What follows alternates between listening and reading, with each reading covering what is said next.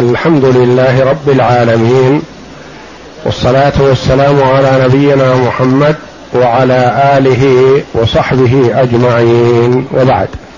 في غزوة مؤته تواطأت قبائل العرب الكافرة مع الروم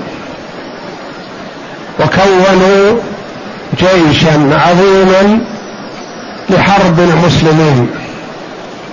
لكن الله جل وعلا كفاهم شرهم. وإن اجتمع مئة ألف مقاتل ضد ثلاثة آلاف من المسلمين. لولا أن الله كفى المسلمين شرهم لقضوا عليهم عن آخرهم. بينما والحمد لله لم يستشهد من المسلمين سوى اثني عشر نفر اثني عشر شخص. من ثلاثة آلاف اثنا عشر فقط. بتوفيق الله جل وعلا للمسلمين وبقيادة خالد بن الوليد رضي الله عنه. ساوف بالمسلمين فنجوا من شر الأعداء.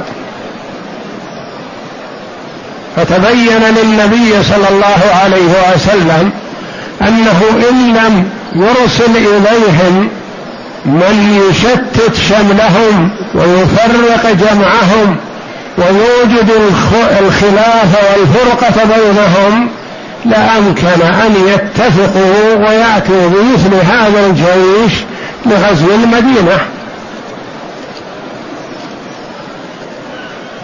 فرأى صلى الله عليه وسلم أن يرسل إليهم جيشا يريهم أن في المسلمين قوة وأنهم يغزون البعيد. فكيف ما لو جاء البعيد إلى قرب المدينة لقضوا عليه.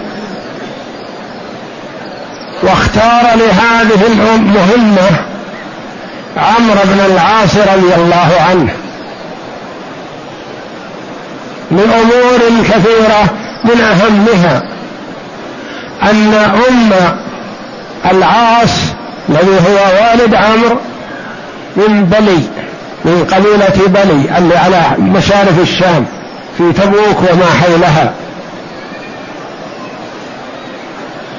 وعمرو رضي الله عنه حسبك به نعم القائد وإن كان حديث عهد بالإسلام رضي الله عنه.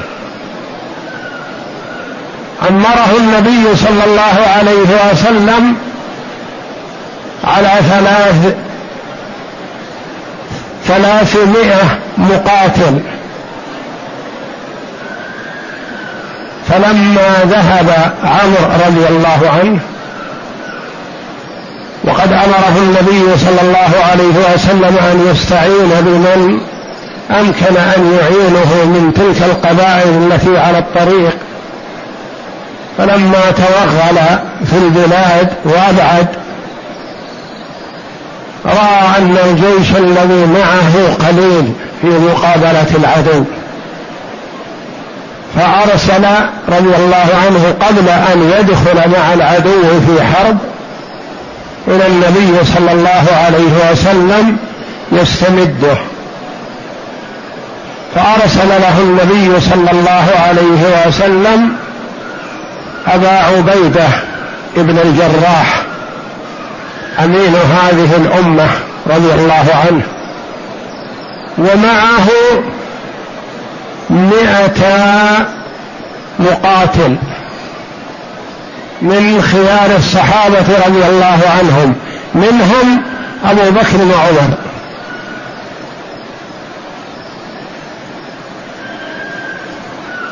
دل أن النبي صلى الله عليه وسلم كان يشجع عموم المسلمين.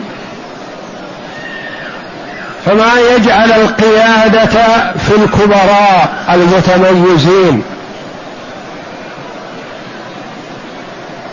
يختار لكل موطن ما يناسبه. فاختار لقيادة الجيش الأول عمرو بن العاص رضي الله عنه الذكي الموفق. المسدد رضي الله عنه في رأيه. ومعه من المهاجرين والأنصار.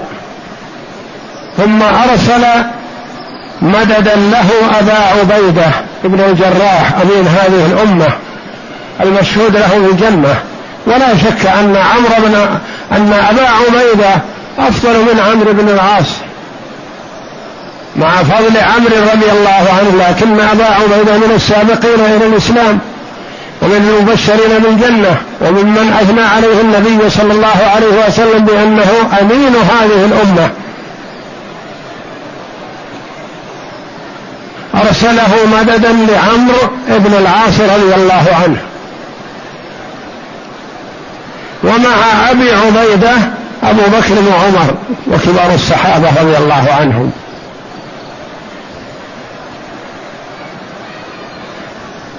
فصار المسلمون بهذا كل واحد منهم يتطلع للقياده ولا يقول في الجيش فلان وفلان أكبر وأفضل مني. كما تقدم لنا في الحديث الذي قال النبي صلى الله عليه وسلم في غزوة خيبر لأعطين الراية غدا رجلا يحب الله ورسوله ويحبه الله ورسوله. فبات الناس يدوكون ليلتهم ثم غدوا في الصباح إلى رسول الله صلى الله عليه وسلم وكلهم يرجو أن يعطاها. كل واحد يتحرى أن يكون هو القائد ومن كلهم رجال. كلهم خيار رضي الله عنهم وأرضاهم. ما واحد منهم يقول لا في فلان وفلان وفي فلان ما يمكن أعطى الراية أنا أنا دون هؤلاء. كل واحد يتطلع أن يكون هو القائد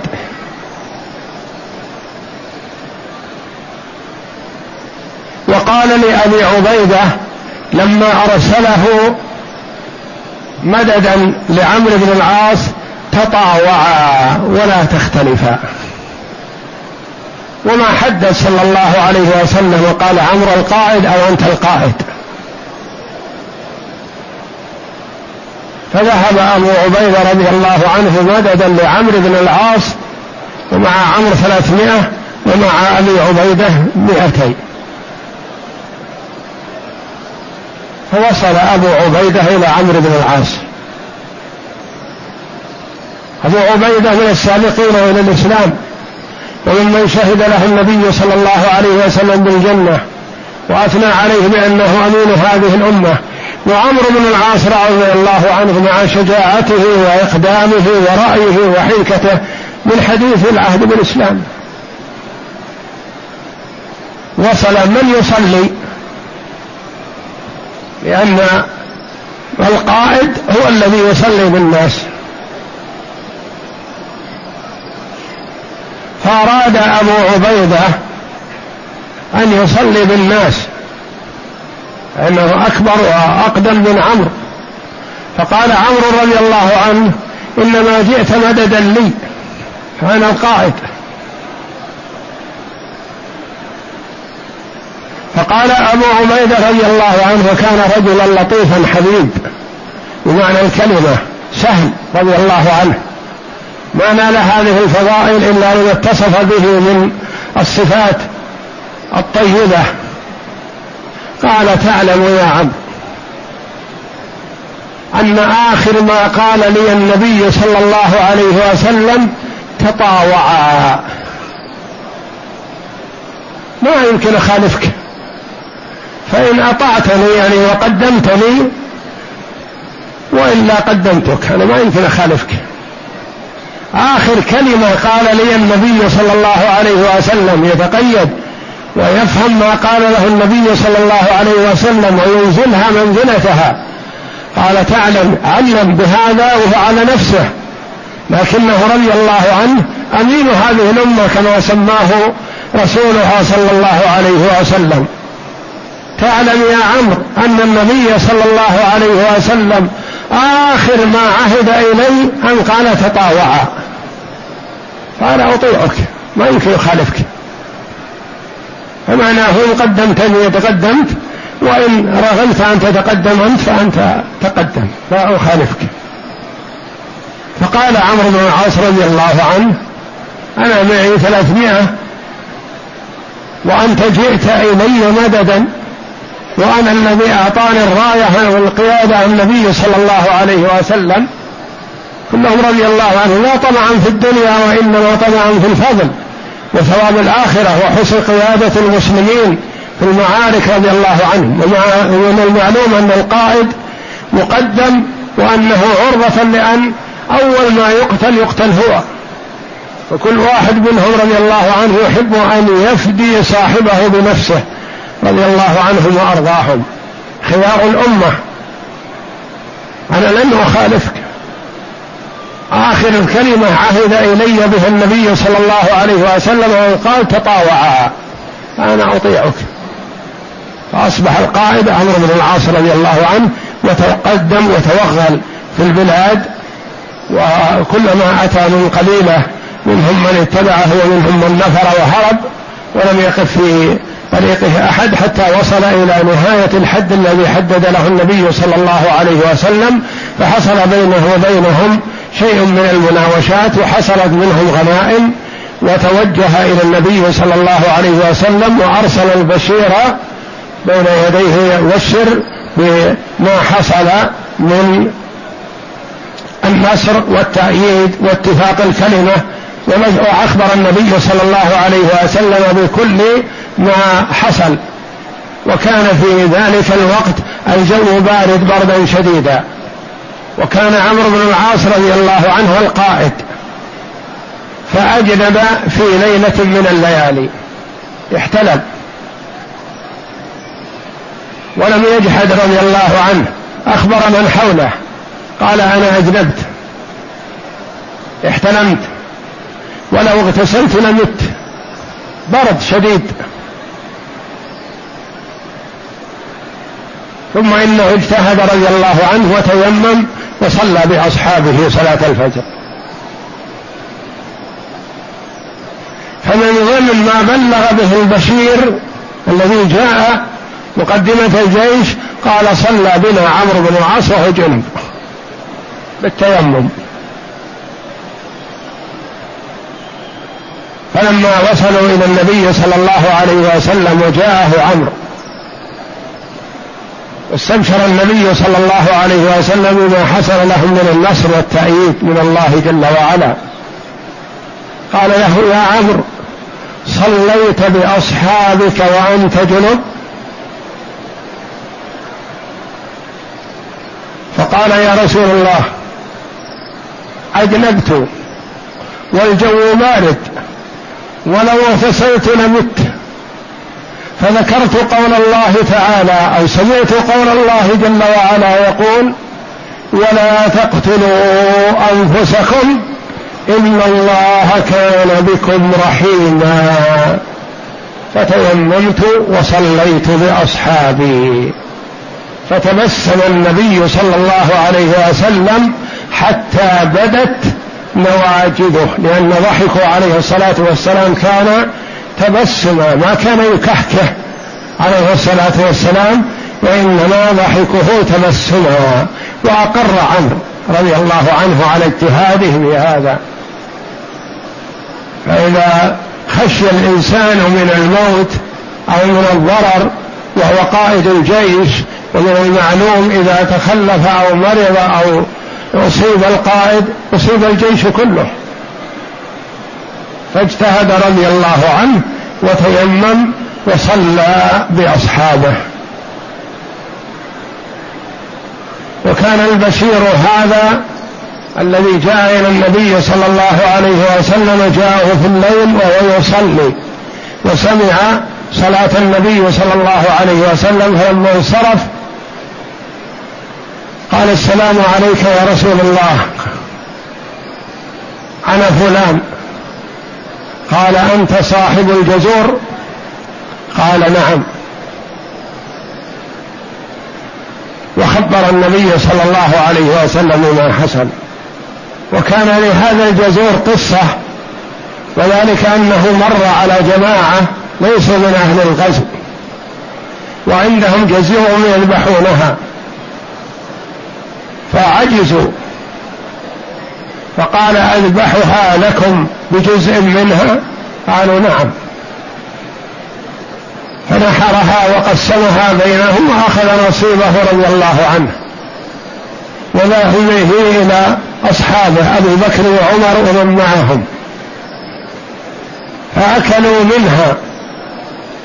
ثم سألوه ما هذا الذي أتيت به؟ قال كذا وكذا وجدت جماعة قد عجزوا عن نحر جزورهم وقسمتها. فقسمتها بينهم واشترطت عليهم جزءا منها نصيبي وهو الذي قدمت لكم. جاء أن أبا بكر رضي الله عنه قال ألا أخبرتنا؟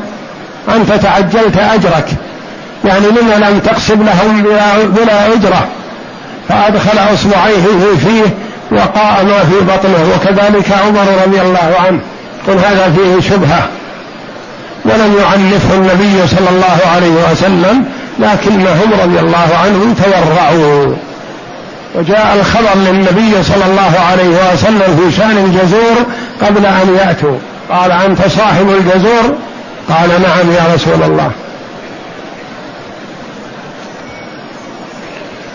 فكان في هذه الغزوة فوائد عظيمه واخافه للروم والقبائل العربية قضاعة وبلي ومن حولهم على مشارف الشام خافوا من النبي صلى الله عليه وسلم ومن الصحابة وأحجموا أن يغزوا المدينة أو يتوجهوا إليها. قالوا ما دام هؤلاء ياتون إلينا في عقل دارنا ويغلبوننا فكيف نذهب إليهم في ديارهم؟ وكان فيها مصالح عظيمه في هذه الغزوة وغير منها عمرو بن العاص رضي الله عنه غنائم. نعم. اقرأ. قال ولما علم رسول الله صلى الله عليه وسلم بموقف القبائل العربية التي تقطن مشارف الشام في معركة مؤتة من يعني عرف أنهم يتفقون مع الروم على حرب الإسلام والمسلمين. نعم. من اجتماعهم إلى الرومان ضد المسلمين شعر بمسيس الحاجة إلى القيام بحكمة بالغة توقع الفرقة بينها وبين الرومان وتكون سببا للائتلاف بينها وبين المسلمين حتى لا تتحشد مثل هذه الجموع الكبيرة مرة أخرى. واختار لتنفيذ هذه الخطة عمرو بن العاص رضي الله عنه لأن أم أبيه كانت كانت امرأة من بلي. فبعثت بلي يعني أم العاص. أم أبيه العاص لأنه عمرو بن العاص وأم العاص من بلي. نعم. فبعثه إليهم في جماد الآخرة سنة ثمان من الهجرة على إثر معركة مؤتة. ليستألفهم ويقال بل نقلت الاستخبارات أن جمعا من قضاعة قد تجمعوا يريدون أن يدنوا من أطراف المدينة فبعثه إليهم ويمكن أن يكون السببان اجتمعا معا. يعني كلا السببين معقول للتفريق بينهم حتى لا يتفقوا مع الرومان لحرب المسلمين. ولأنه سمع أنه يمكن أن يأتي مجموعة كبيرة منهم لأنه تجمع من جيش القبائل العربية بمشارف الشام مئة ألف مقاتل. بدون الرومان جاء من الرومان مئة ألف ومن القبائل العربية اللي على حدود الشام مئة ألف. وممكن لو جاء هذا العدد أو نصفه أو ربعه إلى المدينة لا ضر بهم. لكنه عليه الصلاة والسلام لما علم أنهم تجمعوا ويوشك أن يوم المدينة توجه إليهم أمر بالتوجه إليهم صلى الله عليه وسلم. وكان هذا في السنة الثامنة قبيل فتح مكة. وعقد رسول الله صلى الله عليه وسلم لعمرو بن العاص رضي الله عنه لواء أبيض. وجعل معه راية سوداء. عمرو بن العاص جاء أنه بعد هذه عقد الراية وأعطاه القيادة رضي الله عنه قال يا رسول الله من أحب الناس إليك؟ يقول إنه لما ولاه النبي صلى الله عليه وسلم هذه القيادة ومعه من كبار الصحابة ومن حديث عهد الإسلام توقع أنه من أحب الناس إلى النبي صلى الله عليه وسلم رضي الله عنه. فسأله فقال من أحب الناس إليك؟ قال عائشة. قال لست يا رسول الله أسألك عن أهلك. الرجال؟ قال أبوها. قال ثم من؟ قال عمر. فعدد له أناس ثم توقف رضي الله عنه. يقول خشيت أن لا يأتي اسمي إلا في آخر شيء. فتوقفت لأني كنت أتوقع أنه سيقول لي بالمقدمة. لأنه ما ولاه هذه القيادة إلا لمحبته له. والرسول صلى الله عليه وسلم يحبه لكن لا يفضله على كبار الصحابة رضي الله عنهم. وهو عليه الصلاة والسلام لا يجامل. وإنما يقول الحق عليه الصلاة والسلام. من الرجال قال أبوها أبو بكر رضي الله عنه أفضل هذه الأمة وأحب الناس إلى رسول الله صلى الله عليه وسلم. ولو كنت متخذا من أمتي خليلا لاتخذت أبا بكر خليلا. نعم. وعقد رسول الله صلى الله عليه وسلم لعمرو بن العاص رضي الله عنه لواء أبيض. وجعل معه راية سوداء وبعثه في ثلاثمائة من سرات المهاجرين والأنصار ومعهم يعني الخيار من كبار المهاجرين والأنصار. نعم. ومعهم ثلاثون فرسا وأمره أن يستعين بمن مر به من بلي وعذرة وبلقين. بلي هم خوال أبيه أخوال أبيه.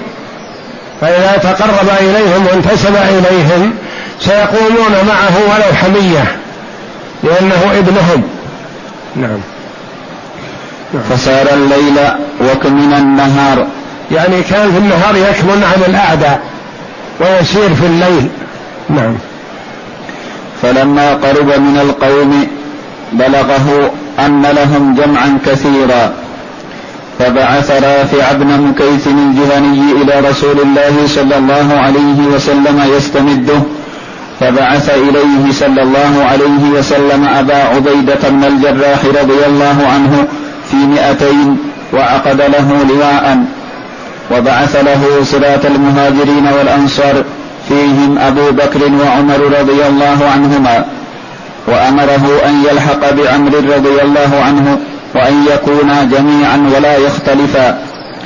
فلما لحق به أراد أبو عبيدة رضي الله عنه أن يؤم الناس فقال عمرو رضي الله عنه إنما قدمت علي مدادا وأنا إنما قدمت إنما قدمت علي مددا وأنا الأمير فأطاعه أبو عبيدة رضي الله عنه وكان عمرو رضي الله عنه يصلي بالناس وسار حتى وطئ بلاد قضاعة فدوخها حتى أتى أقصى بلادهم ولقي في آخر ذلك جمعا فحمل عليهم المسلمون فهربوا من البلاد وتفرقوا.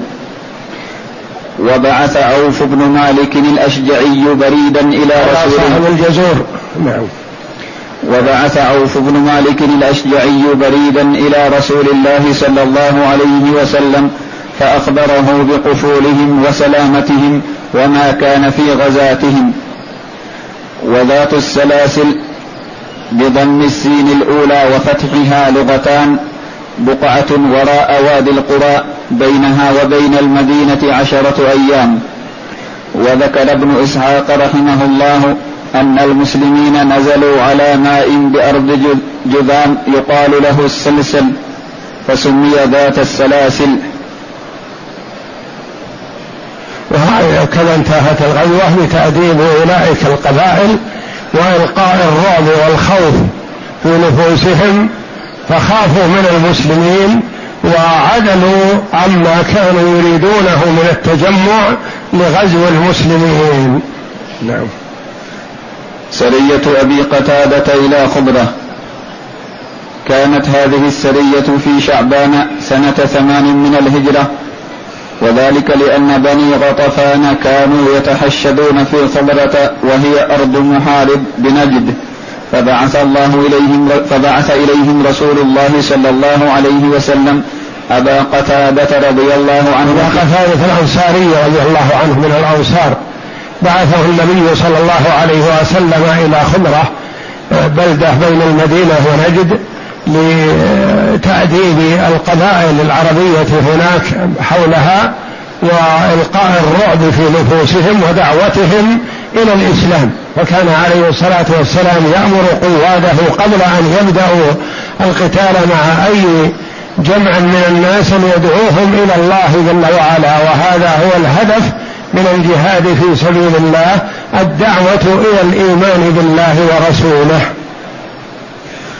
هذه في شعبان في سنة ثمان من الهجرة وفتح مكة في رمضان في نفس السنة. يعني بعد هذا في الشهر الذي يلي هذا الشهر كان النبي صلى الله عليه وسلم فتح الله له مكة كما سيأتينا إن شاء الله. فبعث إليهم رسول الله صلى الله عليه وسلم أبا قتادة رضي الله عنه في خمسة عشر رجلا فقتل منهم وسبى وغنم. وكانت غيبته خمس عشرة ليلة.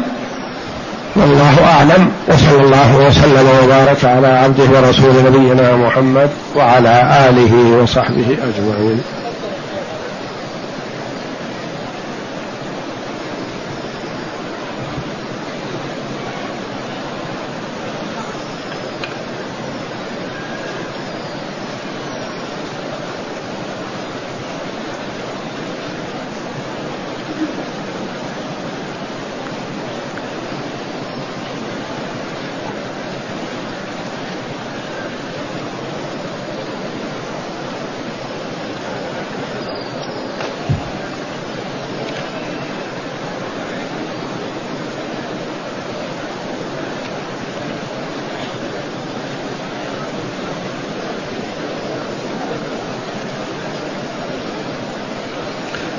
يقول السائل إذا صليت ركعتين ونويت بهما لقريب لي متوفى فهل يصله الأجر؟ هذا محل خلاف بين العلماء رحمهم الله بعض العلماء رحمهم الله يقول أي قربة تقربت بها إلى الله جل وعلا ونويت بثوابها لمسلم حي أو ميت نفعه ذلك. يعني صليت ونويت ثواب هذه الصلاة لفلان. صمت ونويت ثواب هذا الصيام لفلان. تصدقت ونويت ثواب هذه الصدقة لفلان. فيقولون ينفع هذا. آخرون رحمة الله عليهم قالوا لا. إهداء الثواب يتوقف فيه على ما ورد عن النبي صلى الله عليه وسلم. يقول ما جاء أن النبي صلى الله عليه وسلم أذن لأحد يصلي عن أحد. فلا ينفع تنفع القربة إلا لصاحبها إلا ما جاء في النص. كالصدقة جاء في النص أنها تنفع بقول سعد رضي الله عنه يا رسول الله إن أمي افتلتت نفسها وأرى أنها لو تكلمت تصدقت فهل ينفعها إن تصدقت عنها؟ قال عليه الصلاة والسلام نعم. فحفر سعد بئرا رضي الله عنه وقال هذه عن أم سعد. قالوا الصدقة تنفع والحج ينفع عن الغير لأنه ورد أن النبي صلى الله عليه وسلم سمع رجلا يقول لبيك عن شبرمة. فقال له النبي صلى الله عليه وسلم من شبرمة؟ قال أخ لي. قال حجبت عن نفسك؟ قال لا. قال حج عن نفسك ثم حج عن شبرمة. فأقره النبي صلى الله عليه وسلم على أن يحج عن شبرمة لكن أمره أن يحج عن نفسه أولا. والأضحية جائزة لأن النبي صلى الله عليه وسلم قال اللهم هذا عن محمد وآل محمد وقال عن الآخر عمن لم يضحي من أمة محمد. صلى الله عليه وسلم. فهو ضحى عليه الصلاة والسلام بكبشين أحدهما عن محمد وآل محمد والآخر عمن لم يضحي من أمة محمد صلى الله عليه وسلم. قالوا ما جاء عن النبي صلى الله عليه وسلم بالترخيص فيه فنعم. وما لم يأت عن النبي صلى الله عليه وسلم كالصلاة مثلا والصيام مثلا إلا عن صيام واجب. من مات وعليه صوم نذر فليصم عنه وليه. قالوا ما جاء عن النبي صلى الله عليه وسلم يعمل عن الغير وأما ما لم يأتي فلا يعمل عن الغير. فالمساله خلافية. وما دام أن في المسألة خلاف؟ فأنت يا أخي صل لنفسك. وادع لمن أحببت. طف لنفسك. وادع لمن أحببت. فالدعاء نافع بإذن الله. ينفع بإذن الله. الحي والميت.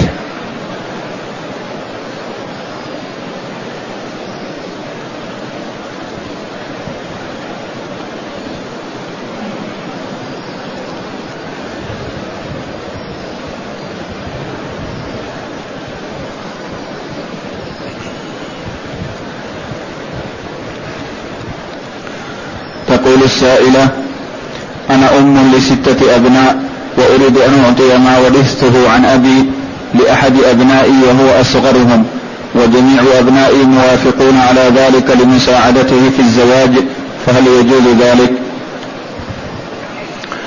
أولا لا يجوز لأحد الأبوين أن ينفذ بعض ولده على بعض إلا لمبرر لمبرر لحاجة أو دين أو مرض أو مكافأة على عمل خيري أو مكافأة لرد جميل ونحو ذلك. وأما أن ينفذ بعض ولده على بعض لكونه صغير أو لكونه الكبير أو لكونه أحب إليه من بقية أولاده من بنين أو بنات هذا لا يجوز. فالنبي صلى الله عليه وسلم لما جاءه الرجل قال يا رسول الله إني نحلت ابني غلاما وإن أمه ما رضيت إلا أن تشهد يا رسول الله. فقال له النبي صلى الله عليه وسلم أكل ولدك أعطيتهم مثله؟ قال لا. قال فلا إذا لا تشهدني على جور. أشهد على هذا غيري. اتقوا الله واعدلوا بين أولادكم. ففي هذا تفصيل إن أعطيته من أجل صغره فلا يجوز. أعطيته من أجل كبره فلا يجوز.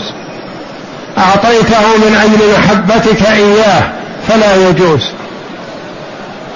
أعطيته لأنه يريد أن يتزوج. والآخرون منهم من تزوج ومنهم من لا يريد ذلك. فأعطيته لهذا فلا بأس. أعطيته لأنه حفظ كتاب الله. وقلت من حفظ منكم كتاب الله يعطيه كذا وكذا. فحفظ هذا كتاب الله فأعطيته هذه المكافأة. هذا حسن. أعطيته مثلا لأنه كان يستلم مكافأة أو راتب ونحو ذلك ويدفعه إليك. بينما بقية إخوته يجمعون محصولاتهم لهم. فأردت أن ترد عليه ما أخذته منه فأعطيته مقابل ما أعطاك لئلا يبقى صفر اليدين وإخوته عندهم أموال. فتعطيه ردا لما أعطاك. أو البنت مثلا أخذت جزءا كبيرا من مهرها وهي في حاجة إليه لكنك أنت ترى نفسك أحوج. فلما أغناك الله أردت أن ترد عليها ما أخذت من مهرها فلا بأس عليك. يعني إذا كان هذا له مبرر فلا بأس. إذا كان واحد مثلا له أولاد كثر وهو فقير والآخرون في غنى فأعطيته لفقره ولكثرة ولده فلا بأس. أعطيته لأنه لا كسب له معاق ونحو ذلك والآخرون لهم كسب فلا بأس عليك. فمثل هذا المسؤول عنه إذا أعطته أمه من أجل زواجه يستعين به على الزواج فلا بأس بهذا. لكن تعطيه لأجل يبقى له مال وإخوته محرومون من هذا وإن أظهروا الرضا أحيانا يظهرون الرضا حياء من أبيهم أو حياء من أمهم وهم غير راضين في الباطن والحقيقة فلا يجوز مثل هذا. إلا لمبرر لكون مثلا يريد الزواج نعم. وليس عنده ما يكفيه للمهر فتعطيه أمه أو يعطيه أبوه ما يساعده هذا لا بأس به.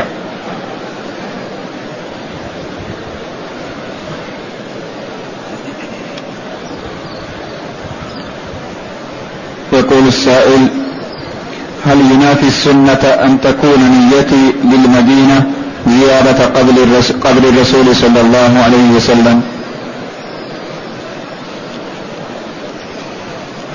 يقول عليه الصلاة والسلام إنما الأعمال بالنيات وإنما لكل امرئ ما نوى.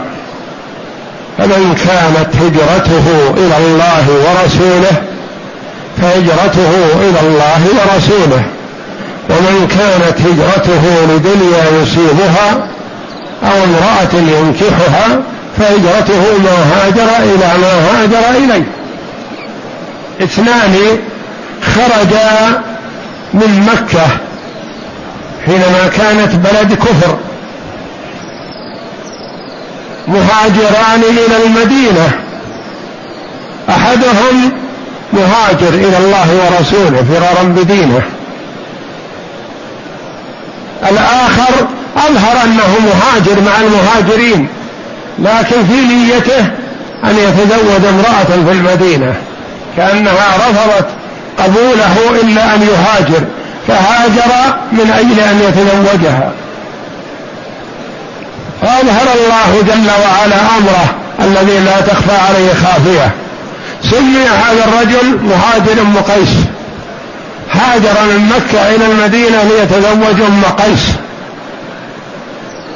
والآخر هجرته إلى الله ورسوله هجرته إلى الله ورسوله. فالأعمال بالنيات. الرجل خرج من المسجد متوجه إلى المقبرة. يريد زيارة القبور والدعاء لهم والترحم عليهم وتذكر أنه صائر إلى ما صاروا إليه لعله ينشط في الاستعداد لما بعد الموت. هذا زيارته سنة وحسنة ويؤجر عليها. الآخر خرج من المسجد وتوجه إلى المقبرة يريد أن يدعو الله لأنه يتوقع أنه يستجاب له في المقبرة أكثر مما يستجاب له في المسجد. هذا مبتدع ويحرم عليه ذلك وحري ألا يستجاب له.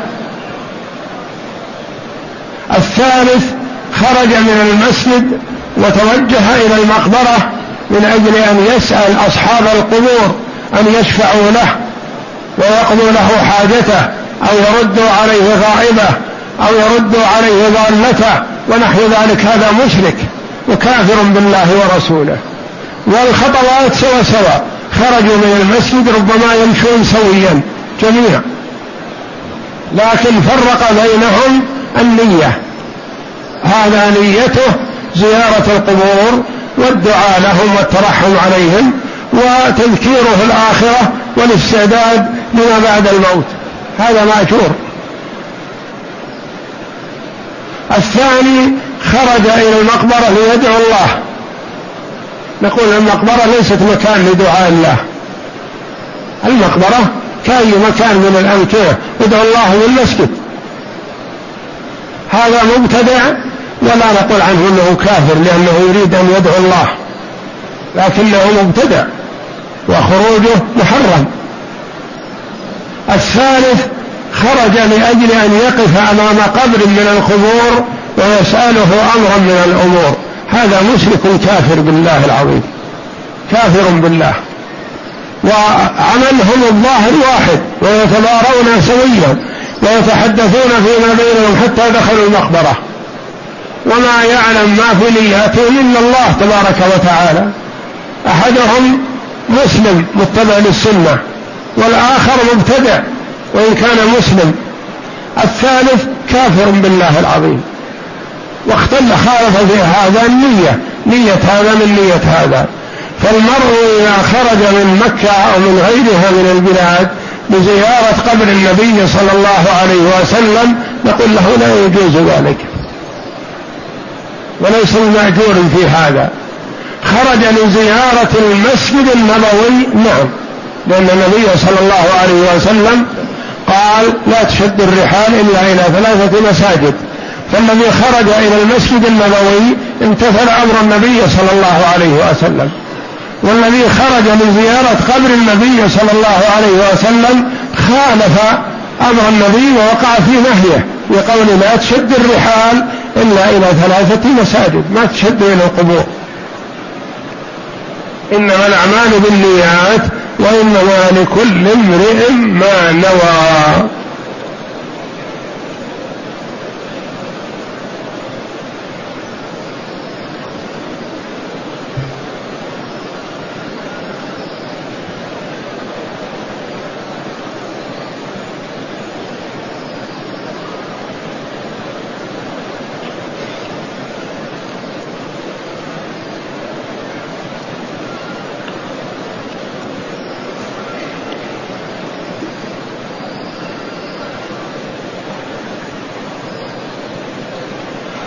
النبي صلى الله عليه وسلم بين للشباب وللرجال عموما كيف يتعامل مع قوة الشهوة.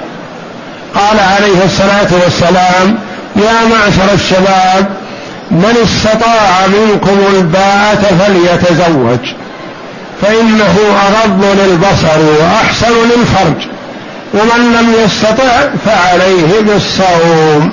فإنه له وجاء والله جل وعلا يقول والذين هم لفروجهم حافظون إلا على أزواجهم أو ما ملكت أيمانهم فإنهم غير ملومين. فمن ابتغى وراء ذلك فأولئك هم العادون. فناكح يده عدوان وتعد عن من الحلال إلى الحرام. وإنما عليه بالعلاج الشرعي الذي هو الزواج فإن لم يستطع فالصيام حينئذ.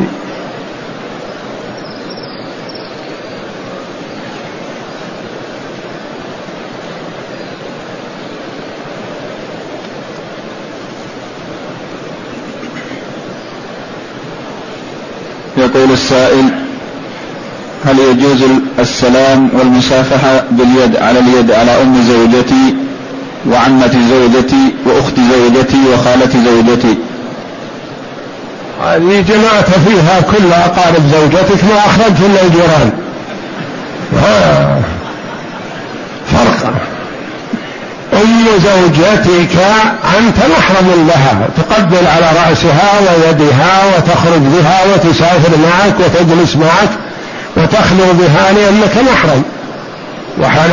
وأمهات نسائكم مما نص الله جل وعلا عليها في كتابه. أما أخت زوجتك وعمة زوجتك وخالة زوجتك وجيران زوجتك هؤلاء أجانب ما يجوز لك ذلك. أخت زوجتك لو طلقت زوجتك أو ماتت فلك أن تتزوج أختها وتتزوج عمتها وتتزوج خالتها.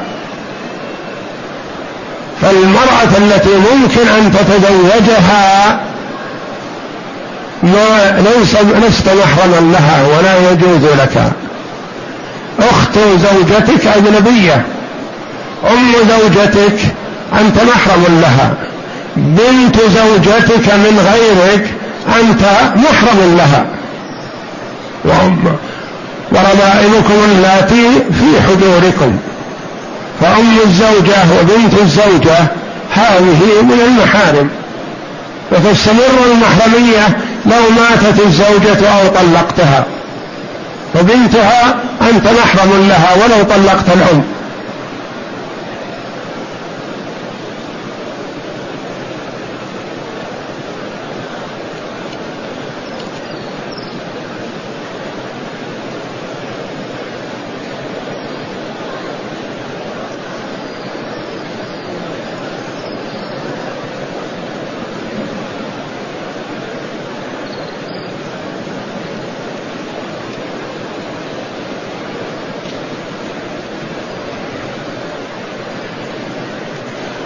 يقول السائل هل تجوز الصلاة بدون أذان ولا إقامة؟ نعم تجوز الصلاة بدون أذان ولا إقامة لكن يجب أن يؤذن في البلد. يوجد أذان في البلد ويوجد إقامة في البلد. أما إذا تواطأ أهل البلد على ترك الأذان والإقامة فإنه يقاتلون. يقاتلون على ذلك. وإذا وجد أذان في البلد ولو صلى عدد من المساجد بلا أذان ولا إقامة فلا بأس. ويقول هل يجوز تقديم السعي على الطواف في العمرة؟ لا يجوز تقديم السعي على الطواف لأن النبي صلى الله عليه وسلم ما قدم السعي على الطواف في العمرة وقال عليه الصلاة والسلام خذوا عني مناسككم ولا قدمه في الحج وإنما أخذ العلماء رحمهم الله تقديم السعي على الطواف يوم العيد في الحج فقط يوم العيد فقط. لقوله كونه صلى الله عليه وسلم ما سئل يوم عيد النحر عن شيء قدم ولا أخر إلا قال افعل ولا حرج. وقالوا تقديم السعي على الطواف يوم العيد لا بأس لكن بعد يوم العيد لا يقدم. وفي العمرة لا يقدم السعي على الطواف.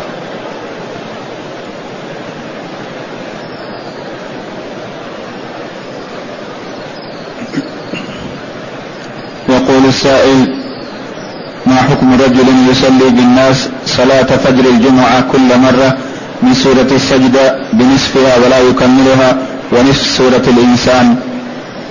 لا يا أخي ما ينبغي مثل هذا لأنه إن أمكن أن يأتي بالسنة فهو أفضل. يقرأ سورة السجدة في الركعة الأولى وسورة الإنسان في الركعة الثانية. هذا هو المستحب والسنة فإن قرأ سورة السجدة وعجز عن إكمالها لغلط أو توقف ولم يوجد من يرد عليه فركع فلا بأس عليه ويكون حرص على السنة لكن ما قدر. وكذلك إذا قرأ سورة الإنسان وتوقف في وسطها ولم يوجد من يلقنه ويرد عليه فلا بأس عليه لأنه قصد السنة لكنه عجز. أما أن يقصد قصدا يقرأ نصف سورة السجدة ونصف سورة الإنسان فهذا خلاف السنة. يقرأ غيرهما أولى ولا يتعمد مخالفة السنة.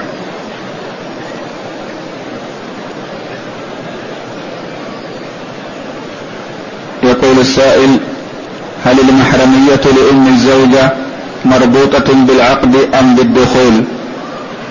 محرمية أم الزوجة مربوط بالعقد. يعني إذا عقد على البنت له أن يدخل ويسلم على الأم ولو أنه لم يرى البنت بعد الزوجة المعقود عليها ما رآها.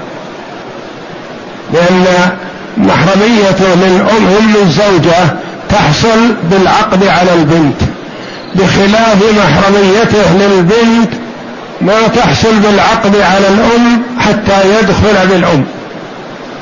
إذا عقد على الأم فلا يسوغ أن يأتي البنات ويسلمن عليه.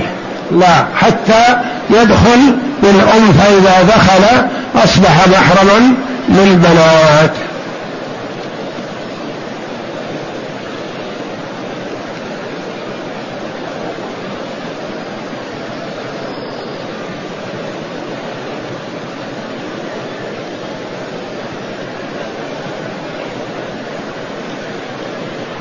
السائل جئت لأول مرة بعمرة هل يجوز لي أن أعتمر لأبي؟ من قدم مكة بعمرة فلا يحسن أن يخرج للإتيان بعمرة أخرى وإنما يكثر من الطواف بالبيت.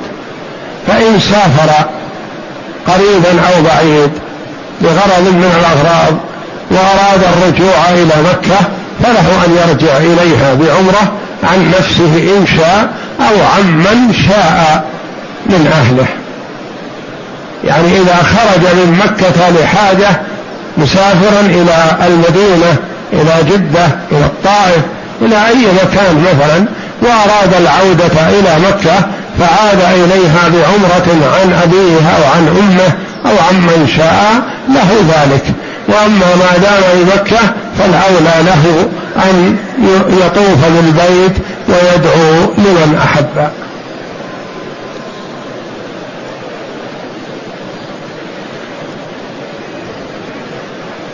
يقول السائل لما كنت محرما لأداء العمرة استعملت السجائر فما رأي سماحتكم؟ السجائر محرمة وخبيثة. وضارة مهلكة للإنسان ومضرة به وبمن حوله وبمن يجالسه ومضرة بنسله ذريته يتضررون بهذا وأهل بيته يتضررون بهذا فهو خبيث من الخبائث. والله جل وعلا وصف عبده ورسوله محمدا صلى الله عليه وسلم بأنه يحل لنا الطيبات ويحرم علينا الخبائث. ولا يقول عاقل إن الدخان من من الطيبات ابدا بل هو خبيث ويعرف خبثه وضرره من ابتلي به. فالواجب على المسلم الإقلاع عنه. ومن ابتلي به ودخن في أثناء الإحرام أو بعد الوضوء فلا يقال إنه ينتقض وضوءه أو تبطل عمرته لكن الواجب عليه الإقلاع عن الدخان دائما وأبدا لا في العمرة فقط ولا بين الوضوء والصلاة وإنما دائما يجب على المسلم أن يقلع عما حرم الله جل وعلا عليه.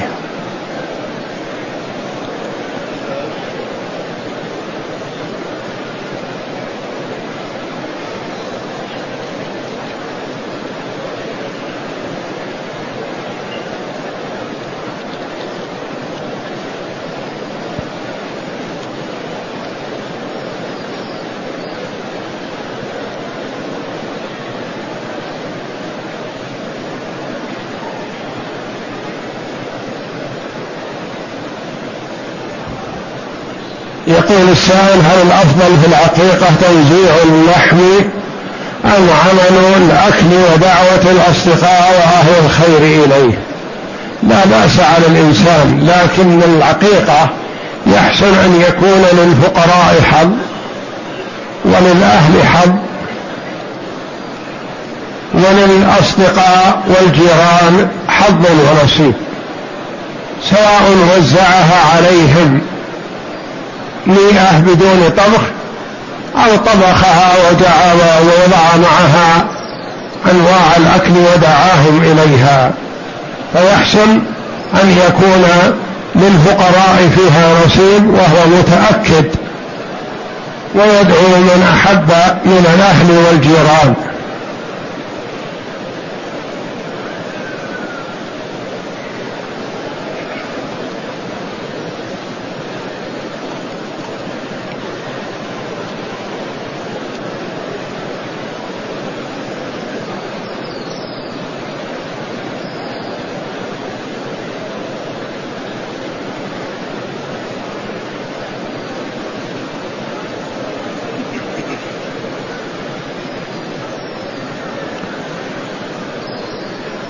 يقول السائل كيف أكون من المتقين وكيف أعرف أني أصبحت من المتقين؟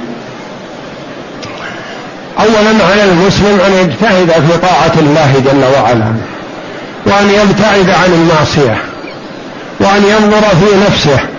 إن كان يتقي الله جل وعلا بالابتعاد عن المحرمات سواء كان في السر أو في العلانية ويجتهد في الطاعات في السر والعلانية فليبشر بالخير. ولا ينبغي للإنسان أن يثق بنفسه فيقول أنا من المتقين. عمر بن الخطاب رضي الله عنه أقوى إيمان هذه الأمة ما عدا أبو بكر الصديق رضي الله عنه. ومع ذلك يخاف على نفسه النفاق. ويسأل حذيفة بن اليمان ويقول هل سماني لك رسول الله صلى الله عليه وسلم من المنافقين؟ من يأمن النفاق على نفسه بعد عمر رضي الله عنه؟ على المسلم أن يجتهد ولا يثق بنفسه ويخاف على نفسه. يكون عنده خوف ولا يكون عنده اليقين. يقول أنا من المتقين أنا من الفائزين. وإنما يجتهد في الطاعات ويرجو رحمة ربه. والله أعلم وصلى الله وسلم وبارك على عبده ورسوله نبينا محمد وعلى آله وصحبه أجمعين.